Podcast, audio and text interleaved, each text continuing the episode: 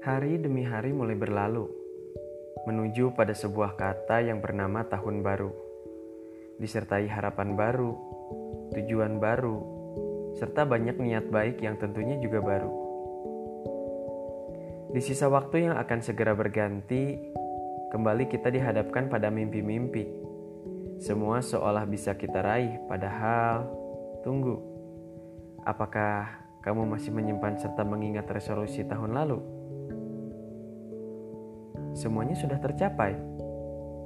Satu atau dua resolusi mungkin? Atau bahkan tidak sama sekali? Lalu apa yang telah kita perbuat selama 365 hari ini? Ke mana hari-hari itu pergi? Kepada sesuatu yang kita sebut perjuangan namun tak kunjung jua dihargai? atau kepada sesuatu yang kita sebut menggapai mimpi, padahal yang ingin kita penuhi adalah ego sendiri.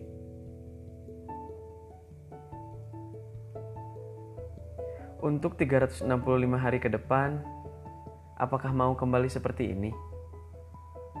Tentu kita tidak ingin semua terulang lagi, bukan? Mari kita buat sedikit jeda.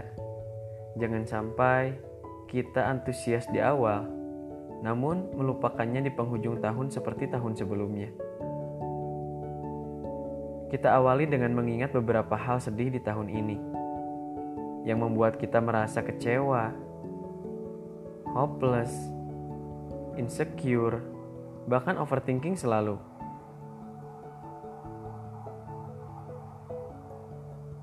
Pejamkan mata kita sebentar, lalu rasakan. Ingat kembali kejadiannya bukan pada rasanya. Semua kejadian itu, semua kesedihan serta kekecewaan itu, apakah kita sudah bisa menerimanya atau mengikhlaskannya? Bila semua itu masih membuat kita sesak, penuh marah, dan juga sedikit banyaknya melahirkan penyesalan, maka simpan dulu segala resolusi yang ingin kita capai di tahun depan. Sebab nyatanya kita masih terperangkap di sini, dalam luka yang belum reda. Mari sepakat untuk sembuh, lepaskan, buat segalanya tampak wajar. Biarlah luka-luka kita mereda di sisa waktu yang ada.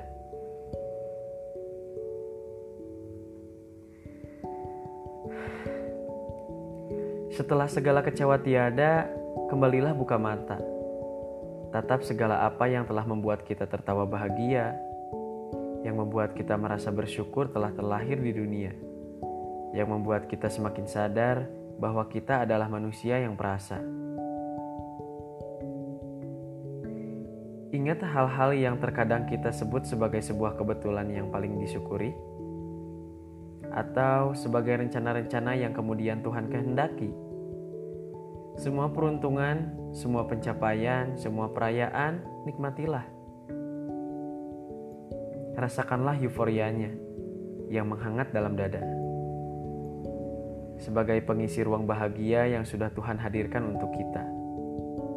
Pahami apakah itu karena semua resolusi yang sudah terwujud atau karena ada beberapa yang tidak terwujud namun menjelma dalam hal lain yang tak mungkin luput untuk kita syukuri. Sampai sini, apakah kita sudah paham bahwa segala sesuatu yang kita rencanakan tidaklah harus semuanya terwujudkan? Karena ada beberapa hal yang nyatanya bukan dari rencana kita, namun begitu terjadi, bisa kita nikmati serta sangat kita syukuri. Mulai dari detik ini, mari berkomitmen untuk menghargai diri kita sendiri dengan tidak memaksakan segala sesuatu yang hanya berlandaskan apa kata orang. Berhenti membuat diri kita menjadi pengabdi ego kita sendiri.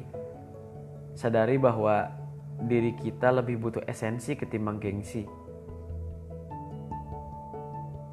Semoga setelah mendapat sedikit jeda, kita menjadi lebih siap untuk segala hal yang kelak akan tiba. Selalu langitkan doa-doa sertailah dengan segala bentuk kerja keras yang kita bisa. Semoga tahun depan semua dari kita mendapatkan tujuan terbaiknya. Amin.